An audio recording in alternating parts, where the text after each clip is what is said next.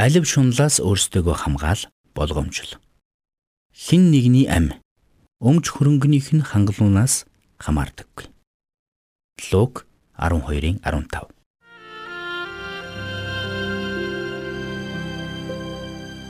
Мэргэний сонсог, мэдлэгийн тэлэг. Ухаалх нь мэрэгэн өдөр төмжийг мөн авах. Доктор Харалт цаалогийн мэрэгэн зөвлөмж нэвтрүүлэг.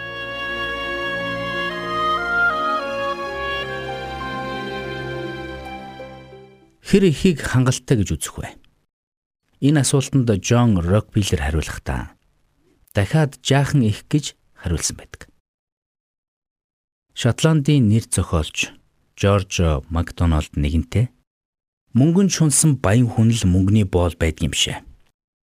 Мөнгөгүй байна хэмээн шаналж мөнгөний төлөө улаар нь зүтгэж байгаа ядуу хүнч бас мөнгөний боол гэсэн үг хэмээн бичсэн байдаг.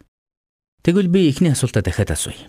Бид бүхэн сэтгэл хангалуун байхад хэр их зүйл шаардлагатай вэ? Бид өөрт байгаа зүйлдээ сэтгэл хангалуун бус байгаа нь бидэнд нөлөөлж байгаа энэ цаг үеийн нөлөөллийн үр дүн биш гэж юу? Гэтэл бид өөрийн хүссэн зүйлээ өөрийн болгохоос нааш хизээч сэтгэл хангалуун аз жаргалтай байж чаддаггүй шүү дээ. Миний уншиж байсан номнуудаас надад хамгийн гүн сэтгэгдэл төрүүлсэн номуудын нэг бол Ричард Постерийн Игэл амьдралын эрхчлөө хэмээх ном юм. Постер энэхүү номороо энэ цаг үеийн материализмд няцаалт өгөхийг оролцсон байна. Тэрээр уг номынхоо эхний бүлэгт орчин үеийн нийгэм соёл материаллык эд зүйлсийг эзэмших хэмжээ хязгааргүй шуналд бүрэн идэгдсэн байна. Сайн сайхан амьдрал эд баялгаас ихтэй гэсэн итгэл үнэмшил газар авч хэдий ч нэ ихийг хураана төдийг ч нэ сайн гэсэн хурамч бодолд автжээ. Харамсалтай нь бид энэ үзэл бодлыг уг дуугүй хүлээн зөвшөөрч үр дүнд нь бидний амьдарч байгаа нийгэм бүхэлдээ ханад садхаа мэдэхгүй их шуналд автаж орхижээ.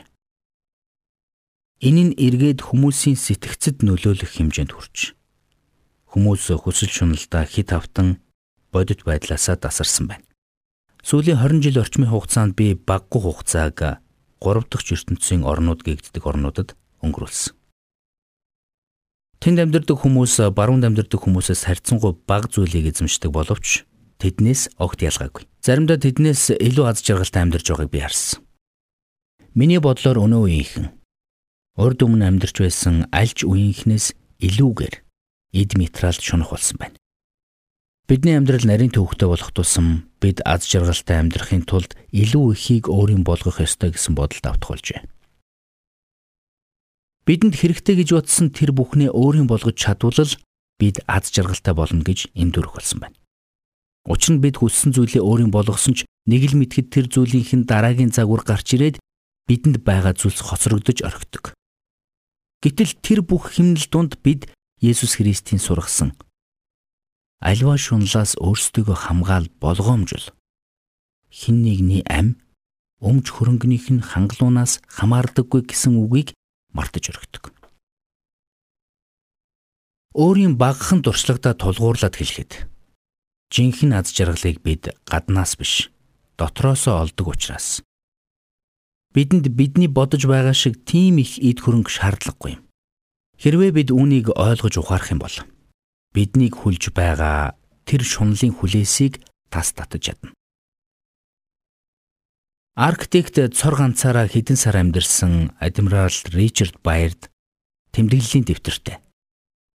Хүмүүс бид төсөөлж байгаагаас харьцангуй бага зүйлээр сэтгэл хангалуун амьдарч болох юм байна гэдгийг би ойлголоо гэж хэлсэн байдаг.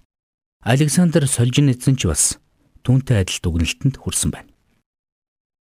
Түүнийг бичсэн зохиолынх нь улмаас зөвлөлтийн шоронд хорж түүний хувьд үнцэнтэй гэсэн бүхнийг нэг нэгээр нь түүнээс булаасан байдаг.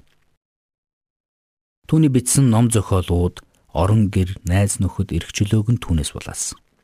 Гэсэн ч Солженицын зүрхэндээ тээсэн үнэт эрдэнцээс өөр юу ч үгүй эр хүн хамгийн хүчтэй байдгийн байна гэж хэлсэн байдаг. Шин гэрэний Марк Лук номуудад нэгэн чинэлэг залуу Есүс Христээр ирээд сайн багшаа. Бурхны хаанчлалыг өвлөхийн тулд би яах ёстой вэ хэмээн асуусан тухай тэмдэглэн үлдээсэн байдаг. Харин Есүс түнд эд хөрөнгнөөс гадна үүнээс хавьгүй илүү өөр нэгэн чухал хэмжигдэхүүн байдаг болохыг хэлж өгсөн. Энэ бол итгэл юм. Тэгэд Есүс түнд чамд нэг л зүйл дутуу байна. Эзэмшиж байгаа бүхнээ худалдаж ядууст тарааж өг. Тэгвэл чи тэнгэрт эрдэнэстэй болно. Тэгээд ирж намайг даг хэмээн зөвлөсөн.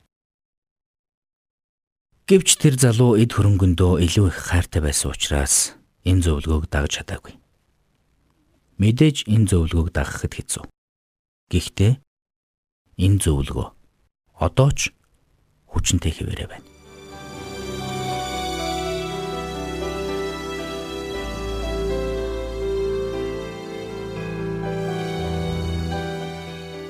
Мэргэн нэгнийг дагвал мэргэн, мулгуутай нөхөрлөл хорлол. Доктор Харалт Салигийн мэрэгэн зөвлөмж нэвтрүүлгийг танд хүргэлээ.